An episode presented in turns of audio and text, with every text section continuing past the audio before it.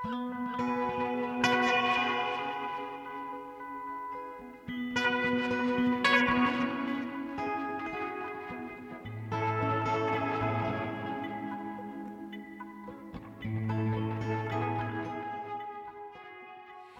sæl. Steiktur sílungur og skýr með rjómaverðu til umfjöllunar á þingvöllum annað kvöld. Við erum það á eftir. Við heyrum líka af konu sem vinnur á því að byggja brú fyrir textil yfir í stafrannan heim. En við byrjum á allt öðrum nótum. Á förstu daginn eru 50 ár liðin frá því að Stonewall óeirðirnar, bildingin átti sér stað í New York. Uppreist sem markar á marganhátt upphaf réttindabaratu hins einn fólks. Baratu sem aldrei má gleima baráttu sem ennþá er mikilvæg og í stöðugri þróun. Í þætti dagsins ætlum við að heimsækja síninguna út fyrir Svega þar sem dregin er fram myndlistarsaga sem tekin hefur verið út fyrir Svega í skráningu, nefnilega saga hinsegin myndlistar á Íslandi.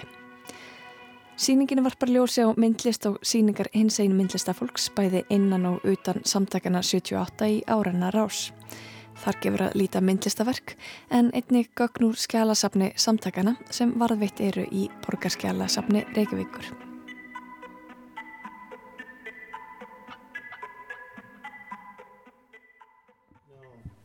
Við erum komin hérna neyri Gróvarhús, við erum í andiri borgarbókasafnsins og hér er síningin út fyrir sveiga myndlist og samtökun 78 sem stendur yfir í allt sömar.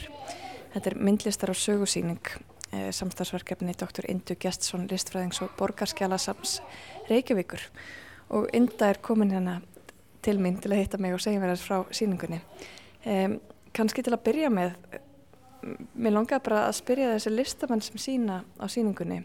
Hvernig hefur þeirra aðkoma að, þeir eru allir hinsægin eða hvað? Já, já, hver einasta listamanniska er hinsægin á einn eða annan nátt en sko með að við svona þetta sögulegu spektrum tímabilið og þá er sko þá er þetta allt saman samkynneitt listafólk og það er vegna þess að, að það er fyrst núna sem að sko listafólk sem er trans eða, eða intersex er að koma fram hér á Íslandi mm -hmm. og, og ég er að reyna að grýpa sko fyrstu árin og hérna svona framundir okkar daga. Og hver eru fyrstu árin? Uh, fyrsta síningin sem að ég hef fundið uh, var haldið 1985 í hérna uh, spytum við hvar voru nú samtökjandi lúsa í Brautarholti minna mig og það var Örn Karlsson sem að held fyrstu síninguna síðan hérna fjölgaði þeim svona smátt og smátt það voru mjög óreglulegar en, eh, en listafólk var alltaf hvart til þess að sína verksín í húsakinnum samtakana Einmitt, og, og þetta er þá fyrsta síningin sem þú finnur með einstaklingar sem er ofinberlega í skápnum? Já, einmitt. En það, ég var aðeins að spjalla við þína fyrir síninguna og það vakti aðteklu mína þegar ég fór að lesa um já eins og þú bendir mér á þá er allir, allir listamenn með svona yfirlýsingu hjá verkum sínum. Og það vakti aðtekli mín að, að þau tala öll um myndlistina eða mörgver allavega sem einhvers konar við, einhvers konar svona gríðarstað en ekki kannski beinlinis um, sem neitt baróttu tól. Já, það er nefnilega það aðteklisverða við myndlistina sem að fylgdi svona uppafsárunum að þetta var svona miklu meiri, þetta var í felum, síningarna voru bara hjá samtökunum og, og, og hérna fréttur um þar bárust voðalega lítið út í, út í samfélagið. Og, og þegar þannig er að þá hérna týnist, týnist þessi list og verður ósýnileg mm. og síðan var auðvitað ritt skoðun í gangi í samfélaginu uh, í fjölmeðlum til dæmis þannig að, að hérna, tilkynningar um síningarnar þær voru ekkert að byrtast og þeim yfirleitt dætt ekkert í hug að, að reyna að koma síningunum að framfæri við fjölmeðla eða annað. Og alls sérstaklega ekki þá undir þeim formerkjum að hér var hins eginn listamæður að fara það? Já, það var ekki fyrir ná tíunda áratögnum að, að fjölmeðlar opnuðust aðeins um, til dæmis eins og í sambandi við síningunennar Sólu sem er hérna og er minningarverk um þá sem hafa dáið úr, úr AIDS á Íslandi og þar var fjallað, það fjallaði myndlistargagnir um, um hérna verkið sem hún síndi 95 og þetta er svona eiginlega framhald á því verki. Og, og síðan var það hérna ein listakonna hérna sem að heitir Viktoria Guðnadóttir. Hún fekk ansi fína umfjöllun um síningu sína sem var haldin í Lindargötunni og, og þá í DFF Þetta er svona einu dæmin sem ég hef fundið sem að eru svona, eru svona það sem að myndlist hins eginn fólks er tekin með í menningarumræðuna. En, en taland um reytskóðin þá er, e, þá er mjög aðtiklisverð e, upprifin úr sögunni hérna frá, frá e, ljósmyndasýningur Norrænahúsinu. Já, það var nefnilega ansi sögulegt fyrirbæri því að hérna og þöggs ég hérna skjálasafni borgarinnar, skjálasafni samtakana að þar varðveittist ein blada úr klippa úr norsku bladi notabene og, eh, og hérna það var klassikampin þar sem að uh, bladamæðurinn hafði talað af listamönnunum og, uh, og bladamæðurinn náði bara ekki upp í nefið á sér af neykslun yfir þessum forpókuðu Íslandingum. Segð okkur hvað gerðist? Um, þeir voru búin að hengja upp síninguna sína og um, þegar hérna í ljós koma þeir voru með hundramynda serju þar sem að fjallað var um kynusla og samkynneigð af ymsu tægi og þá er bara sagt nei, þið sínið ekki þessu verk hér. Og, þetta er árið 1983? 1983 þegar hérna þeir svo hérna standa frammi fyrir þessu að þurfa að rít skoða verk út úr síninguna og segja þeir ok, við sínum ekki neitt. Þannig að þeir fóru með alla síninguna út aftur. Norska pressan logaði. Hérna á Íslandi var þessu bara sópa svona pent undir teppið og sagt að já þeir bara fóru, þeir ákvaða að fara og það er hérna fullt af blada úrklöpum sem að veist, sína þetta ferli. Er engin umfyllun í íslenskum dagblöðum á þessum tíma um, um, um síninguna eða listavennina eða eitthvað slikt? Jú, þeir fengu mjög fína kynningu sko fyrirfram, fyrirfram. Mm. og meiri segja að við lesum hérna brot úr hérna einni fréttatilkynningunni um, síningin er í heilsinni létt erotísk með homoseksuál áherslum. Svo þeir félagur. Já, þetta er alltaf mjög komist að lesa þetta, þetta svona. Já, þetta er sögum. svona svolítið fyndið þegar við lesum þetta núna og hérna þetta kom eftir sko, tóku síninguna niður og hurfu af landibrott. Einmitt. Og svo er hérna annað komið með litskeignur sem ekki var óskað eftir. Einmitt, þeir bættu við litskeignum sem ekki var ráð fyrir gert. Norrænahúsið leti ljós óanægum með þetta og þeir voru beðin að taka niður síninguna. Já. Það vildi þeir ekki fallast á, töldu að með því var í síningin álitin úr samhengi. Tóku niður síninguna á mándaginu, held að landi brott. Já, einmitt, þetta er svona aðeins fyrir svolítið eftir hvernig maður orðar hlutina, greinilega. Já, já, þannig að mér finnst þetta bara að vera mjög gott dæmi um sko stopnunabundna homofóbíu mm -hmm á þessum tíma. En hér eru nokkra myndir úr, úr þessari um, örlægaríkur síningu eða umdeldu síningu Já. og það eru nokkið sérstaklega kannski sjokkrandi svona í okkar, okkar samtíma. Alls ekki, þetta er bara svona óalega saklýsislegar myndir sem að sína ungt fólk að leika sér með kyngerfi og kynlötuverk. Einmitt og þau eru bara í fötum að? Já, mér sé í fötum. Það sést kannski aðeins í auksl hérna. Já, þetta, er, en, ja, þetta kannski var óþægild þessum tíma. En sko, það eru 36 ár síðan þetta var.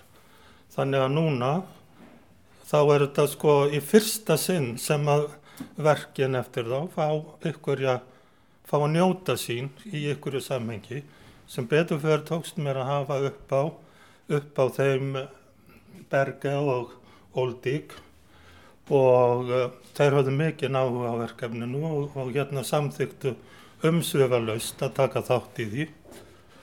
Þannig að, að Og þannig varstu þér út um verkinn sem sagt. já, En, en hvernig upplifið þú samtíman enda þegar við vorum að tala um, um aðtekli sem að hins einn list fær og, og hins einn lista, já er gallerið, gallerið, hvað heitir hann aftur? Gallerið já, Galeri 78. 78, já.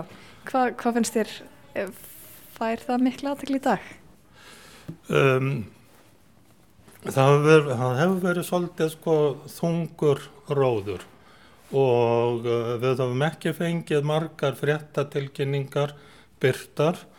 Það hefur held ég tvísvar eða þrísvar verið fjallað ofinbarlega um síningar með viðtölum við listafólkið en uh, í rauninni þá finnst mér þó að samfélagið sé opnara og áhuga samara þá finnst mér að það sé líka áhuga leysi um hinsegin myndlist og, og að hinsegin listafólk skipti máli í listasögunni sem er einn af þeim lötum sem að ég er að reyna að vekja aðtegli á að það er þarna listasaga sem skiptir máli og hefur ekki verið sagð. En mér finnst þetta svo áhugavert sem við vorum að tala um áðan sko með að, að þessi listamenn sem hér sína og þú dregur fram úr, úr sögunni. Um, jú, vissulega má segja að þeir séu að fjalla um, um eh, fjötrana sem þeir eru í og, og skápin en þeir eru ekki að gera það kannski í pólitískum tilgangi. Nei, þau verðist ekki líta á myndlistina sína sem hluta af, af hérna pólitískri baráttu hinsegin fólks á Íslandi.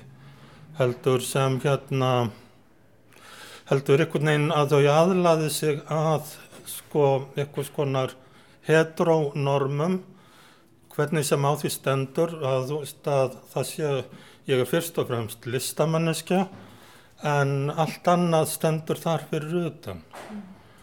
Það er hérna til dæmis kannski verk eftir Unni Bragadóttur sem að stend, er þarna hinum megin í salnum þar sem að eru hérna tvær konur í mjög nánum atlotum.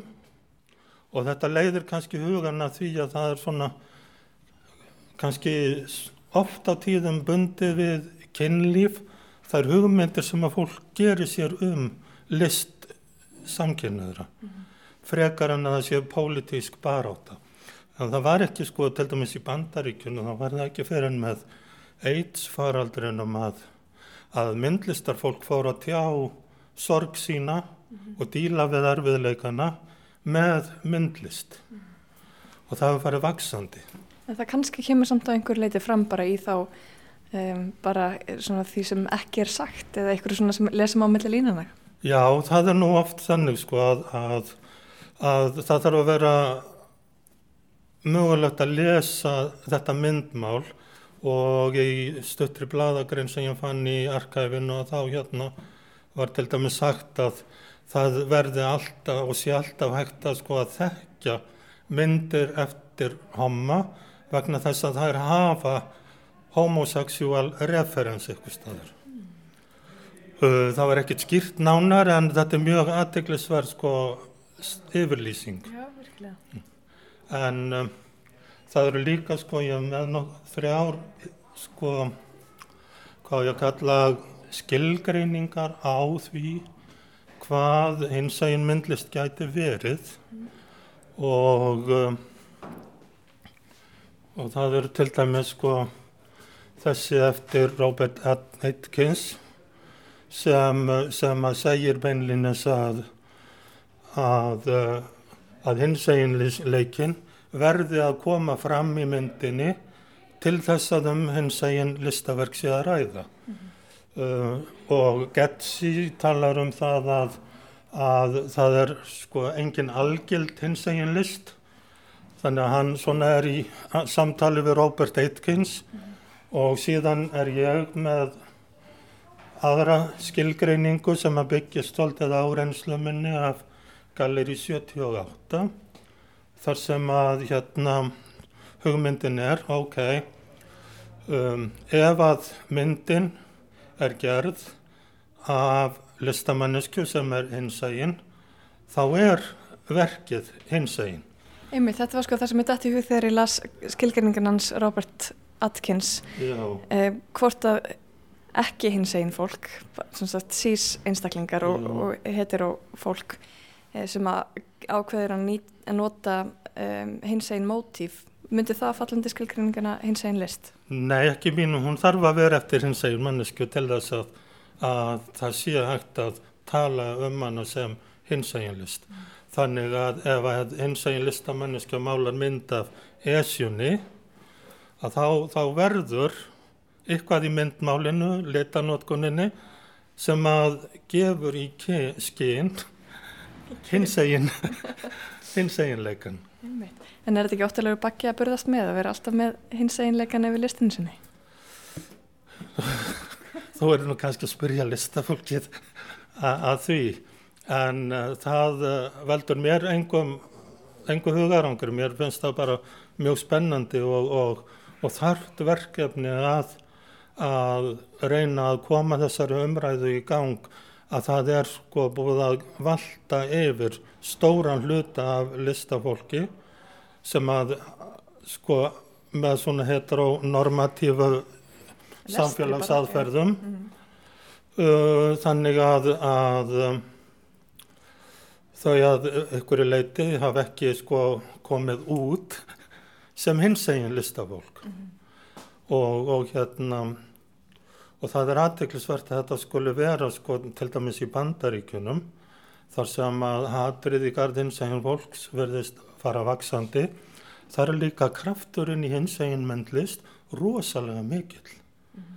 og það er með það sapn í New York til dæmis sem að einbeitir sér að því að, að sína og kynna myndlist eftir hinsægin listafólk og, og svoleiði starfsemi skiptir miklu máli.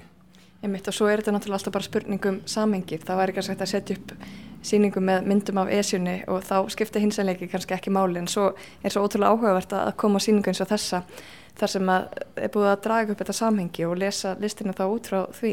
Já, já, já og, og það er eiginlega svolítið nýtt að búa til frásögn þar sem að, þar sem að þetta er áherslan mm. og, og þetta er ekki gert í neinu tómarum með því sko ég sæki innblástur í sko í hérna uh, Stonewall uppþóttinn sem er einmitt 50 ár liðin frá því núna Já, á förstu dag til dæmis vegna þess að það eru hópur sem að tekur sig út úr hérna þessari stóru samfélagsjöfnu, tekur sig út fyrir svegan og segir hér erum við. Ég, við ætlum að skilgarinn okkur sjálf og við ætlum að afmarka okkur pláss í samfélaginu. Sama má segja um sko listakonur af annari kynnslóð feminista og líka þegar hérna samtökinn 78 eru stopnuð þá er sko, þá er hópu, hópar eru alltaf að taka sig út úr, út fyrir svega til þess að verða sínilegir mm -hmm. og ég er eiginlega bara að halda ánfram með það verkefni og nú er það myndlistin. Stórgótt, þetta er glæsileg síning hér í andiri borgarbókarsamsins í grófinni út fyrir svega og hún stendur í allt sumar og, og hinga getur maður komið og, og skoða þessi verk og lesa sér til það er fullt af texta og svona sögulegu efni sem er virkilega áhugavert að skoða með okkar samtíma klerugum. Og hér á, á útleðinni þá, þá blasa við okkur hillur á veggjum þar sem að borgarbókusafnið hefur síð okkur fyrir lesefni. Það er búið að stilla upp fullt af áhugaverðum bókum. Hvaða bækur er þetta?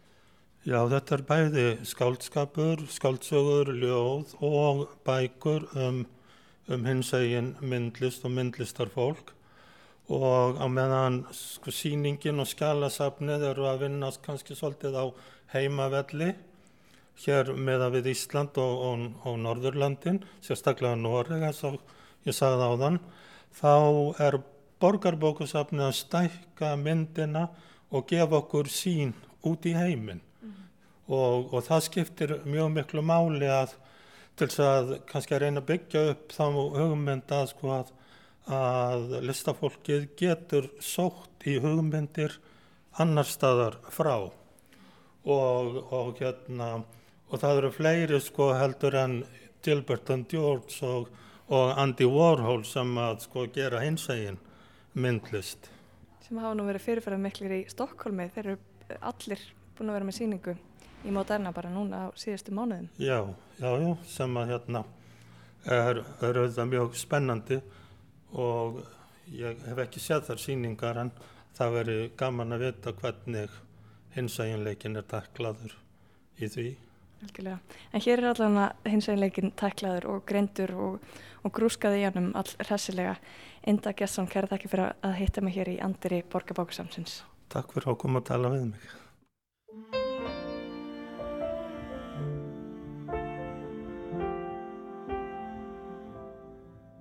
No, your mom don't get it, and your dad don't get it, Uncle John don't get it. And you can't tell grandma cause her heart can't take it and she might not make it. They say don't dare, don't you even go there, cutting off your long hair, you do as you're told.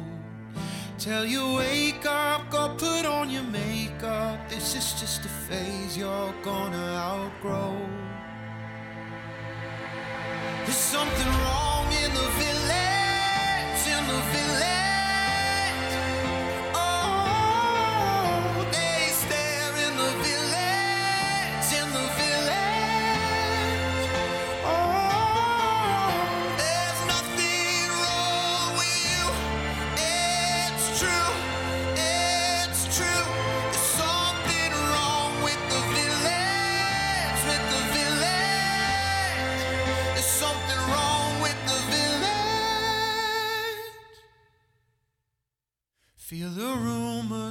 Follow you from Monday all the way to Friday dinner.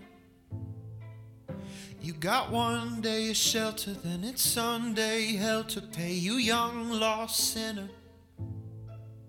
Well, I've been there sitting in that same chair, whispering that same prayer half a million times. It's a lie, though, disciples. One page of the Bible isn't worth a life. There's something wrong in the village,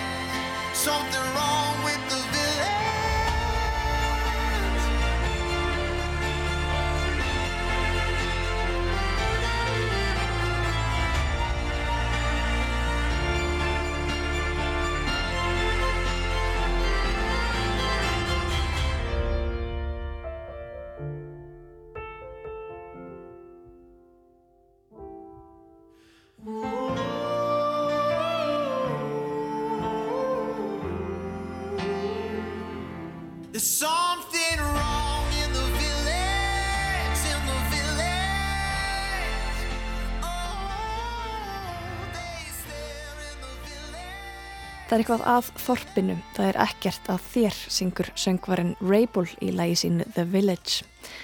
Þetta er hugsun sem jáðarhópar hafa haft mikið fyrir að temja sjálfum sér og í leiðinni reynað breyða út þennan boðskap.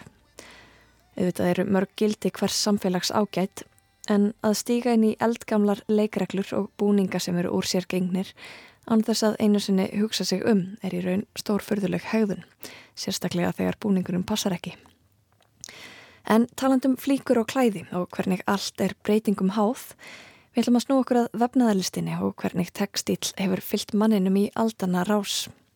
Gíja Holmgerstóttir fór á heimsótti Ragnhiði Björk Þórstóttur, textílistamann og kennara á vinnustofu hennar í listagilinu á Akureyri.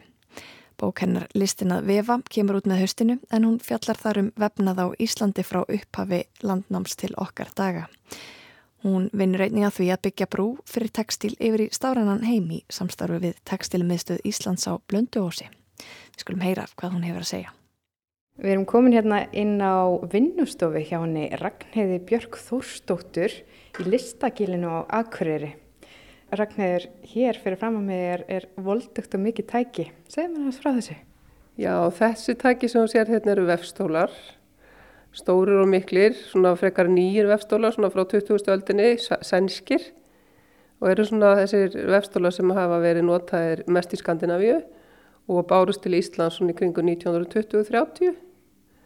Þannig að þetta eru svona svo kallega gagbindingar vefstólar sem eru þannig að þeir eru frekar tæknilega fullkomnir. Það er mikið af, er mikið af sköftum og, og alls konar hérna, skammelum og dóti þannig að þetta er eins og að stíga orgel, maður stígur á petalana þegar maður er að vefa. Og hvernig verkartu að, að vinna það núna? E, ég er að gera hérna bara, e, svolítið, ég er alltaf í tilunum sko, ég er að gera svona íkatt, íkatt-vef sem er í rauninni íkatt því það að að það er málað fyrst eða lituð upp í staðan ánur ofinn og þetta er í rauninni mörg þúsund ára gömul aðferð og er í rauninni fyrsta aðferðin sem mann, mannfólki eða manneskja notaði til þess að koma e, munstri yfir á, yfir á efni eða yfir í textil. Þetta er í rauninni bara rosalega skemmtilega aðferð sem ég hef alltaf notað á og til og þetta er rest af verkum sem ég var að gera fyrir tveimur árum og beigð hérna alltaf þessu uppistað eftir mér og ég er að gera, ég er að nýta allt sem ég á. Ég á svo mikið efni og gatni og dóti að ég nú er ég bara í því að nýta allt sem ég, kaupi ekki neitt, ég bara nýta það sem ég á og ég átti heila rullu af plasti sem mér hafði einhver tíma verið gefið örgulega fyrir 10-15 áru síðan, svona bara plastrúlla sem var eiginlega svona innkaupa eitthvað eða sennilega svona til að sitja matvæli í eða eitthvað svo leiðis og ég bara sker þetta niður og nota það í rauninni plasti sem ég ívaf Já, skoða. Já, skoðum þetta. Þá notar við plasti hérna. Já, þá sést, sko plasti er gagsætt Já. Og þá sést, þá fer ekkert af málingunni minni sem er bara, í rauninni gerir verki allt áðin í vefða. Ég færi uppistöðuna fram og tilbaka í stólnum og þetta eru þryggja metra verk og ég mála allt verki áðin í byrja vefa það og svo þegar ég hef nota plastið þá fer ekkert til spillis. Ég, að að það er náttúrulega transparent, það geg, uh, sést í gegnum það, mm -hmm. þannig að liturinn nýtur sín alla leiðina. Ef ég verður að nota einhvern þráð hérna kvítan eða eitthvað, þá myndi hann alltaf blokkera ákveðna liti sem er í þráðunum. Þannig að bara tilrönd, mér finnst þetta mjög skemmtilegt. Já, þetta, er þetta svona þín tilrönd bara, eða já, er þetta mikið notaði? Nei, þetta er bara eitthvað sem að, sem að ég hef verið að þróa í gegnum tíðina. Það eru örgulega margi sem mála og uppistöðu og allt það og gera alls konar tilunni í vef en ég bara gerir það sem er eftir í hug, eiginlega. Er, er ekki vefnaðurinn svolítið þannig? Það er bara eins og að mála á strega eða hvað sem er, maður bara leikur sér. Jú, jú, vefurinn er náttúrulega sko, hann er svona virkar flókin og tæknilegur og svona og er það alveg en vefur er líka í rauninni bara rosalega einfaldur sko. Þú getur gert alveg svakalega flókið og stóra myndvefnað og, og sjakkartvef og alls konar vefnað en í raunin er þetta bara alltaf uppistöða og ívaf sem ganga, ganga þvert á hvort annað og þetta er alltaf spurningum um það hvaða þráður eru upp og hvaða þráður eru niður þegar þú stingur skiptin í gegn. Þannig að þetta er bara eins lifandi eins og, eins og bara all list er. En við getur auðvitað verið líka bara handverk þar sem þú ætti að gera efni eða gera eitthvað sem er bara alltaf það sama. Þar sem þú ætti að gera bara metraföru sem er hérna er búið að gera hér í árþúsundir og var náttúrulega hérna vesmiður bæði á Akureyri og í Mósursbæ sem að ófu efni í klæðagerð og, hús, og húsgagna áklæði og mottur og, og hvaðina og það er svona meira þessi vesmiðju framleiðsla en handvefurinn er náttúrulega búin að vera með manninum í sennilega 8-9 ár. En nú veit ég að þú hefur verið að vinna svona rannsóknum á sviði textíls við aðeir alls konar upplýsingum og, og, og það kemur bók út bráðlega. Getur þú sagt okkur aðeins frá því? Já, ég er náttúrulega kannski ekki búin að vera í beinum textir í rannsóknum, en ég er eiginlega bara búin að einbytta mér að vef. Að ég er sko bara vefnörd, ef svo maður segja, að því að ég ákvað, ég kendi nú einu sinni þrygg og, og myndlist og allar þessar greinar og hef verið að kenna listasög og hönnasög upp í verkmyndaskólum Akureyri í eh, áratögi, en síðan bara ákvað ég þegar ég var búin með meistraprófum mitt eða meistarabrós hérna var búin að útskjáðast með meistaragráðu þá ákvaði ég að halda bara áfram í rannsóknum. Ég ást það svo ofbúslega skemmtilegt og heillandi heimur í sér rannsóknaheimur þannig að ég snýri mér að því að við að mér öllum þeim upplýsingum sem ég gæti náði í samvættu vefna á Íslandi alveg frá frá, frá bara því að land byggðist. Og ég er núna búin að vera í nýju eða tíu ár að skrifa bók, ég er lengur búin að skrifa bókina en hún er búin að vera sagt, í vinslu hjá forlæginu núna í síðan 2012. Og hvað verður í þeirri bók? Það er sem sagt bara, bókin heitir Listin að vefa og mun sennilega koma út svona með haustinu og þar er fjallað um bara vefnað á Íslandi bara frá upphafi landnáms og fram á okkar daga. Það er rauninni bara fjallað um kljásteinavefstæðin gamla, hvernig hann var notaður hér í 900 ár, hvernig var sett upp í hann, hvað var ofið í honum, síðan er kaplu um þessa vefstóla sem við sjáum hér sem eru búin að vera á Íslandi síðan cirka 1750 og síðan er kapli um myndvefnað og kapli um spjaldvefnað sem var alveg sérstök listgrein hér á landi hérna áður fyrr. Og mjög fáir í dag sem stundar spjaldvefnað en það er samt einhverjir. Og síðan er einn kapli sem er helgaðurinn í Sigrunu P. Blöndal vefnaðakennar og skólastjóra á Hallánstað á, á húsmaðurskólanum á Hallánstað Hún er eina konan sem hefur skrifað í rauninni bók sem hefur komið út hjá forlægi um vefnað á Íslandi sem er svona kennslubók í vefnaði. Og það er vefnaðabókin sem var gefin út 1948 þannig að núna einhverjum hvað, 60 árum setna ég get ekki eins og niður talið þetta þetta er svo langt síðan að þá er lóksins að koma út önnur kennslu og fræðibók í vefnaði. Það er komið tími til. Já, það er sko komið tími til En þú sagði mér hérna áðan að, að vefnaðurinn sem svona handverk og, og listgræn er Já. kannski svolítið tengt, eða ásvöldi bara undir högg að sækja út af því að það er kannski svona tilluð sem einhver kvennagrein eða eitthvað svoleiðis. Já, þetta er nú mjög viðkvæmt málefni sko og kannski svolítið eldfimt en í, á Íslandi, við erum með textifélag Íslands og það er engin kallmaður til dæmis innan borðs og ég, við erum yfir hundrað félagsmenn í Textilfélagi Íslands og við höfum til dæmis alltaf haft einhverja stráka í námi upp í verkmyndiskóla og textilbröðinni en afskaplega fáa og einhverju lita vegna þá hefur þetta meira verið störf kvenna. Það er talið að konur hafi engungu ofið í kljástinu vefstæðin í þessi frá alveg landnámi og til 1750, 1820 eitthvað svo þegar vefstæðurinn leggst af en síðan þegar vefstróðinni koma til Ísland þá fara kallmenn að vefa að einhverjum hluta en alls ekki engungu, konur hættu í rauninni aldrei.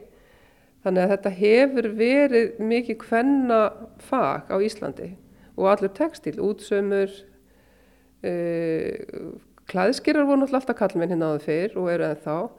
En það, er, það hefur loða við textilgreinar á Íslandi, það hafa verið mjög hvennlæga, þetta hefur verið mikið af konum sem hefur verið í þessu og ég hef nú þá kynningu að það sé nú kannski þessuna sem að við, e, þetta er svona ekki kannski dángreita eða ljótt orð, en þetta hefur svona svolítið verið talað niður. Við ferum bara til búð og kaupum okkur efni eða fött og, og erum ekkert að spá í það hvernig e, fött, e, flíkin er prjónið eða ofinn eða saumið eða eitt eða neitt.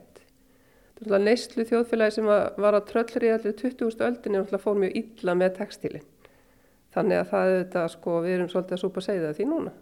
En heldur þau núna þegar að fólk er að verða meðvitaðra og meðvitaðra um bara já, ógnir þess sem stafar af til dæmis bara framlegsluferli í textíl mm. mun kannski svona hefðbundnara hefðbundnara handbræð eða sem sagt textílinn eiga eitthvað endur komu? Já, ég, sko það eru þú, þú segir þetta út um allan heim, það eru öll stór fyrirtæki, öll, öll svona hönnuna fyrirtæki skólar, eh, London, New York, allstaðar Það eru allir að reyna að finna upp nýjar aðferðir í textil sem eru umhverfisvænar. Við erum búin að náttúrulega gaggrina rosalega mikið þess að framleyslu hefð sem að öll, fór öll bara til Indlands og Thailands og, og út um alla trissur úr Evrópu. Það fór allur textiliðna nánast úr Evrópu bara til, til hérna, landa þar sem að þurftu borga minni laun og við veitum náttúrulega hvernig framleysla hjá H&M og fleiri fyrirtækjum hefur verið það er gríðarlega sóknafæri í textíl og það er, það er svo dásamlegt að út um allan heim er fólk að reyna að finna upp aðferði til þess að endur nýja efni aftur, flíkur eru sko tættar í sundur, það er þráðinu spunnin aftur og það er ofið aftur úr flíkinni. Það er sko, það er verið að rækta efni, það er verið að nota allskins sveppi og hérna grófi til þess að rækta efni í tilunastofum og rækta í rauninni þrýviðar flíkur. Þannig að það er, það er gríðalega sóknarfæri og síðan náttúrulega sjáum við það að Kemísku litirnir eru bara nánast að detta út vegna þess að þeir eru mjög mengandi og við erum að hverfa aftur til gamlu jörtalitunarnar sem er náttúrulega bara dásanlegt. Já, ymmiðt og ég hef líka heyrt að, að það er hægt að nota bakteríur til þess að lita. Ég, ég glemdi því, það eru bakteríur þetta nota allt. Þú getur tekið, þú getur tekið það sem fer í, í hérna, grænutunnuna þeina sem að er afgangurinn úr af, hérna, mataleifunum. Þú getur litað úr alls konar hýði, kartibluhýði, eplahýði, öllu sem kemur úr ávöxtum. Þú getur með þess að búið það til, hérna, ef þú nota indigo þá getur þú búið það til svona bað sem er engungu sítrux, eða sérst, allt saman sem kemur frá ávöxtum og búið það til það sem er mjög eitrað í, í indigólitnum, það getur við notað dýra, eða sérst plöntu trefjar til þess að nota ekki kemisku eða sérst þess að hættulegu hérna liti sem er, eða sérst hættulegu efni sem er notað í indigólitun. Þannig að það er rosalega sóknarfæri út um allan heim og, og ég held að við séum kannski bara aðeins og eftir sko. Það er svona vantar það vantar svona herslu munin að við séum búin að fatta þetta sko. Þetta er um, rosalega umræð út um allan heimum þetta en einhvern veginn hér, jú auðvitað meðal okkar textilkvenna en þetta verður ekki alveg komist inn í þjóðfélagið. Þannig að hérna, en svo er ég líka að vinna á textilmistu Íslands á Blöndósi og þar komst ég í ofbúslega spennandi verkefni sem er, sem er hérna, skrásetning á öllum gömlum vefnapröfum og munstrum sem eru frá nokkrum íslenskum vefurum 20, frá 20. öldinni. Þannig að við erum búin að skrásetja við 2000, hérna, 2000 munstur og erum síðan að vinna uppskriftir með þeim munsturum sem uppskriftir eru til. Þannig að þar eru við líka að búa til gagnagrunn sem verður rafrætn á netti þar sem við getum farið og skoðað nánast alla vefnaða sögu 20. aldarna þar sem var, voru vefnaða kennar á Íslandi sem voru hér í húsmaraskólanum og í myndlist og handæðaskólanum og fleiri skólum.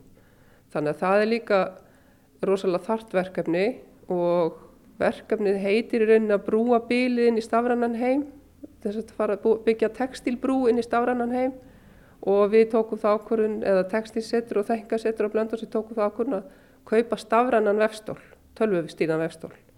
Þannig að við erum að nota hann til þess að í nýsköpun með þessi gömlu munstur, vefa þau á annan hátt og, og hérna erum við nefndir úr myndliskólum í Reykjavík sem eru hjá okkur eða fengur styrk, nýsköpunarstyrk námsmanna og eru að skoða hluta þessu munstrum og reyna að gera einhverja nýsköpun úr, úr munstrunum. Þannig að, já. Þannig að það eru spennandi tímar framöndan í textíl og vefnaði. Já, ég minna, ég held það sko. Það er kannski einhver deyfið yfir skólanum núna, framhaldsskólanum, kannski kom það svolítið ítla út þegar það var skiptnir í þryggjára námið í framhaldsskólanum. Þá fór held í textílinn svolítið á hliðina sko, eða mér sýnist það, ég veit það ekki. En ég held að þetta sé bara eins og allt í lífni, það eru svona læðir og hæðir og einhver tíman fer textílinn aftur upp í framhaldsskólanum. Ég held að það sé alveg bólulegend, það er bara spurning hvenar. Hvort að menn hafa, hafa hérna, þólum að þetta er að býða eftir næstu uppsveiflu sko, vonandi. Vonandi. Við segjum þetta gott. Takk fyrir spjalli Ragnhildur Björk Þórsdóttir, textil, listamæður og kennari. Já, takk fyrir sömulegis. Það var Gíja Holmgerstóttir sem heimsótti Ragnhiði Björk Þórsdóttur textilistamann í listagilinu á Akureyri. En þá leikur leiðin niður í bæ í Reykjavík til að ræða um mat, þingvelli og leiðina þangað úr höfustæðinum. Guðni Tómasson tekur nú við. Sumarið er nýtt oftar en ekki til að já, ganga um svæði, bæði borgarumhverfi og, og landslag og segja frá sögum úr fortíðinni. Og það fer fram á þingvöllum líka uh, yfir sumatíman og þingvöllum fara fram kvöldgöngur á fymtudöfum og það er hafa já, hafið göngu sína þetta árið og nú er komið að Margréti Sveinbjörnsdóttur sem ætlar að ganga um með gestum í þingvallaþjóðgarði á 50. kvöld. Margrét, þú varst að skrifa, ert einn af höfundum í efni í Árbók Ferðarfélags Íslands sem að var að koma út og fjallar um Mósfells heiði sem eru auðvitað þá leiðin yfir til Þingvalla, ekki satt? Ó já. Og þú ert að velta fyrir þér hvað fólk var að borða. Hvernig kemur þetta til? ég hef bara svona mikinn áhuga á því að borða. Nei, ég hef bara áhuga á svona kvöndagssögunni, svolítið, ekki síður heldur en fyrir stóri. Mm. Og það var þannig að í, þegar við vorum að skrifa árbókina, þá ákvaðum við fljótt að vera með kabla um ferðalangana sem að voru að koma hingað. Það er alveg heil bókmyndagrein ferðalýsingar sérstaklega voru það svona einhverjir ungir gerðnan breskir aðalsmenn eða aðalsmannasýnir sem að fór í leðangra til Íslands sent á 18. öldin og 19. öldinni aðalega uh, það er til einar um 500 svona ferðalýsingar og við glugguðum aðeins í þær vegna þess að flestir sem að komu alveg eins og enn þann dag í dag komum til Íslands fara til Þingvalla. Og þá er nærrið því óhjákamilegt að fara yfir Moselsegi segða til. Og það sem við skoðum út af að nú eh, vorum við auðvitað ekki að skrifa sögu ferðamanna á Þingvallum heldur skrifa um Moselseiði að þá eh, horfum við sérstaklega á það þegar þeir lístu ferð, ferðalæginu yfir heiðina og svo svona pikkaði ég út í leiðinni uh, þetta um viðurgjörningin Já. þar að segja hvað þeim var bóðið að borða eða hvað þeir höfðu með sér í nesti uh, og- og hvar þeir gistu og hvernig og, og svona Mhm. það er það sem ég ætla að segja frá Það er gaman að grúski þessum sögum, ég, þetta er svona nýtt áhuga mál hjá mér, ég er aðeins farin að safna þessum bókum til þess að kíkja á, en matarlýsingarnar, það er ljóta að vera alls konar, þannig að þetta er kannski fólk sem kemur úr allt öru umhverfi inn í íslenskan mm. sveita samtíma og, Mm. og fær kannski margt sem kemur þeim svona einkennilega fyrir sjónur, það? Jú, það er einn alveg mjög sterkur rauður þráður í gegnum þetta allt saman það er eiginlega alltaf að búða upp á sílung Já. Og það kemur nú svo sem ekki óvart með matar, þessu svæði. matarkistu þingvallavatnið Akkurat. í hérna túnfætinum, svo má segja. Þannig að lang flestir sem að segja á annar borð frá, frá máltíðum segja frá því að þeir hafi fengið ímist steiktan eða svoðin sílung og nóg á honum og gjarnan skýr og rjóma og, og svo les, sumir fá hangi kett og, og aðrir jafnvel steikja lóur sem þeir hafa skotið á heiðinni Mhm. Okkur finnst það kannski dálítið spes í það. okkur mörgum finnst það hálfgert guðlast en svona var það nú samt En svona þetta fólk, það er hissa oft og, og ánætt með gesturisni í Íslandinga, er það ekki? Jú, jú, en svo uh, kemur það í samt stundum á óvart hversu svona hrörleg húsakynnin hafa verið og sérstaklega er gaman að lesa lýsingar á því þegar að ferðamönnum er bóðið að, er bóðið að eða þeir byggja um gistingu í Þingvalla kirkju. Uh, í einni af fyrstu lýsingunum, ég minnir að það hefur verið leiðangur stannleist, þá, þá hérna byggða leiðangursmönnum að fá að gista í kirkjunni, hitta þar Pál Þorláksson séra og Þingvallum sem kemur nú við sögu í, í raunfólkinu, hans Björsti H. Björnssonar. Um, en Páll er ekki á því að uh, veita þeim gistingu vegna þess að hann er bara að nota kirkjuna í annað. Hann notar hana fyrir geimslu. Svo reyndar, hérna, Páll kemur oftar við sögu, það eru fleiri sem að lýsa, hérna, kynnum á honum og, og heimsók til hans og setna þá býður hann nú gestum alveg að gista, gista þar. Og þá eru þar kartöflupokar og, og geimslu kistlar ekkurir og, og, og, og, og, og einum tíma þá, þá hérna taka ferðamenn eftir því að það er eh, líkkista uppi á lofti og það reynist vera kista sem að Páll er búin að smíða fyrir sjálfan sig Já, en svo kista stóð þar uppi í sjö ár þanga til að, ennþá þanga til að hann dó já. Gott að vera búin að undirbúa það. Það er alltaf gott, Já. hann hefur verið fórsjálf.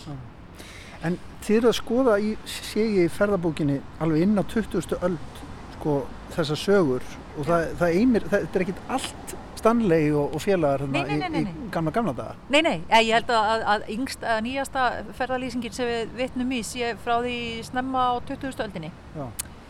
En þa það svona, þessi blómatími er þarna se setni part 18. og svo 19. Mhm.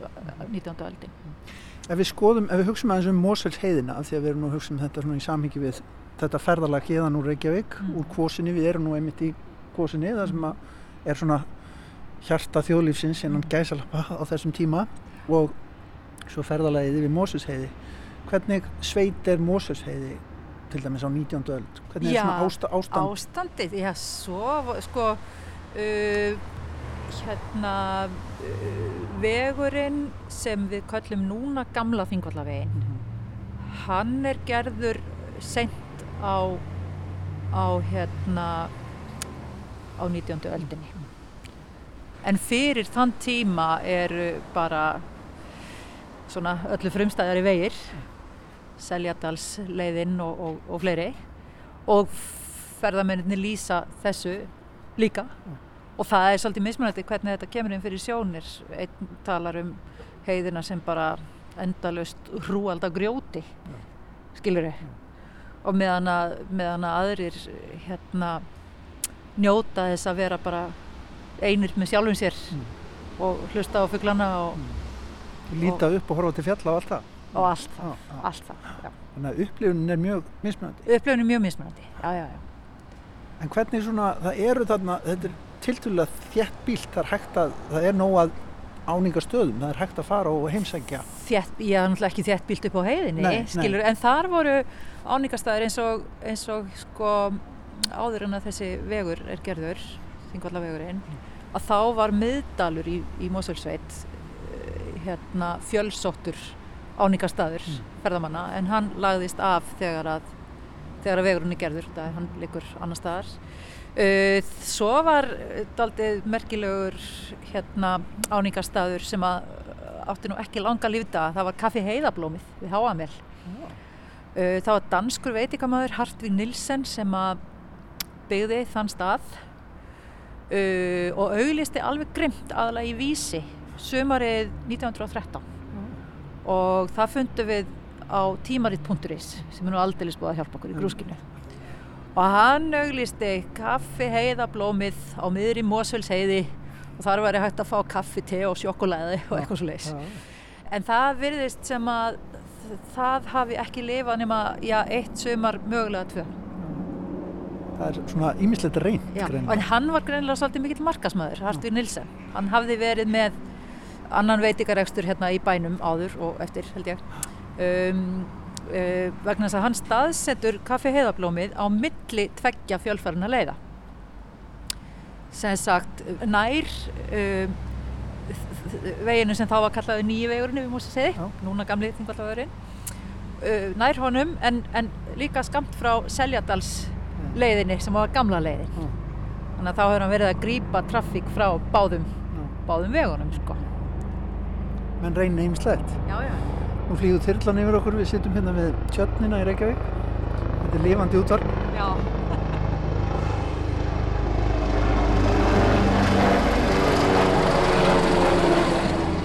Svona, svona ónæði var nú ekki hjá, hjá. Stanley og félögum. Nei, einmitt, maður er eiginlega, forvitnilegt að hugsa til þess að við erum hér í svona hjarta kosarinnar og, og þeir hafa náttúrulega lagt upp í þessa ferð eftir að hafa kannski komið hingað fyrst með, í gamla höfnina og farið svo á stað Já. og þetta er náttúrulega ótrúlega mikla breytingar. Ótrúlega breytingar. Og þá var farið upp með elliða ám og, og hjá Geithálsi og, og síðan yfir heiðina. Þú nefndir sílung og skýr og það er kannski kaffi og, og Jú, í kaffi og, og jafnvel brennuvín, jafnvel ef að vel stóð á. brennivín eða eitthvað, eða, eða eitthvað erlendvín jafnvel inn á milli, konjak eða eitthvað eða- Já, milli, sjálfsagt. Og svo náttúrulega stundu komu þeir með, Já, með sér. með sér og buðu þá, jafnvel. Þetta eru ekta menningarsamskipti sem fara Þetta oft eru fram. menningarsamskipti í gegnum mat, Mat, þannig, þannig gerist þetta sko. Akkurat, akkurat. En svo eru svolítið skemmtilega lýsingar, bæði er, er, er hérna skemmtilega lýsing á, á hérna kirkjunni. Ég, ég nefndi áðan þetta með, með hérna kartublupoka og, og svo leiðis. það var svolítið skemmtilegt hvernig, hver var það nú aftur sem að lýsti, jú, það var, það var hérna hann John Ross Brown. Mm. Hann var á, fór gullnarhingin sömarið 1862 og hann hitti sér að Simon Beck sem var þá prestur á þingvöllum en átti eitthvað erfitt með að skilja latínun hans Mm. sem var jú gert notuð sem samskiptamál prestana og þessara mentamanna sko og uh, Brown hann lísti svo skemmtilega eldhúsinu á prestsetrinu á þingvöllum ég get lesið hérna setningu fyrir endilega. Uh, eldhúsið er einni nota sem hundakofi og stundum fjárhús. Grjótrúa í einu horninu sem á eru lagða nokkrar trjágreinar eða mólar af þurru sauðataði er eldstæði til matargerðar. Á bytunum í loftinu hanga pottar og katlar, hertur fiskur, sokkar, pils og stígvilaræflar sem presturinn hefur sennilega átt í æsku. Á svörtum torveggjunum ríkir einnig mikil fjölbreytni. Þar hanga lýsisbelgir á snögum, kjötlæri, gamlar flöskur og krukkur og allskynns riðguð verkfæri til að klippa með söðfjö og snirta klaufir þess. Gólfið er hraunið sem bærin stendur á og hér og þar eru skolpvatspollar. Já, svona er ástandi á okkar helgasta stað. Þetta er á, árið, árið 1862 var það. einmitt. Já. En svo er einmitt annars sem að lýsir, sko, já það er Stanley sem ég nefndi áðan, sem að er, er bóðin gisting í kirkjunni, sko. Hann segir að Þingvallakirkja sé einn hrörlegasta kirkjan sem hann hefði séð á Íslandi að, að, að, að Krísuvíkur kirkju einni undantekinni. Já, já. Uh, og hann segir með nokkrum erfiðismunum tókst okkur að búa okkur þar náttstað með því að nota kistur, steina og fleira dót. Þrýra af okkur sváfi í kornum en tveir frammi við dyrnar. Við fengum ágætan kvöldverð hjá prestinum, stektan sílung, súrt skýr með rjóma. Það er, já, það er Henry Holland sem að, sem að skrifar þetta. Hann Já. var í för með hérna með honum Stanley, Stanley, heimarétt. Já. Þannig að, og akkurat þetta, steiktu sílungur, skýr Já. með rjóma, Já. þetta er heitið á þínu erindi á hundlæni. Já, en það verður samt ekki bóðið upp á þetta. Það var margi spurt mig, en það verður hvorki bóðið upp á vatnið þurft. Já, fólk verður bara að fara heim og elda. verður- Já, það elda. er bara að taka með sér. Já. En þú ætlar að leggja stað ofan á haki eða já, hvað? já, klukkan átta, annað kvöld, fimmtaskvöld. Já. Alltaf vinsæla göngur að, að hérna, fara og velta fyrir sér lífsáttum á fyrir tíð. Ó já, Takk hérlega fyrir spjallið, Margrét Sveinbursdóttir. takka þér. Guðni Tómasson rætti við Margréti Sveinbjörnsdóttur sem verður með kvöldgöngu um steiktan sílung, sker og rjóma í Þingvalla þjóðgarði annað kvöld. Og á þeim þjóðlögunótum ljúkum við viðsjá í dag. Við höfum komið víða við, hins egin myndlist, gleymtir listamenn, vefarar og steiktir sílungar. Allt á erindi í þáttinn að sjálfsögðu. Á morgun ætlum við svo að fjalla um sorgarferli, áföll og mátt hins skrifaða orðs og óvæntra viðbræða. Heyrumst þá. Takk fyrir að hlusta.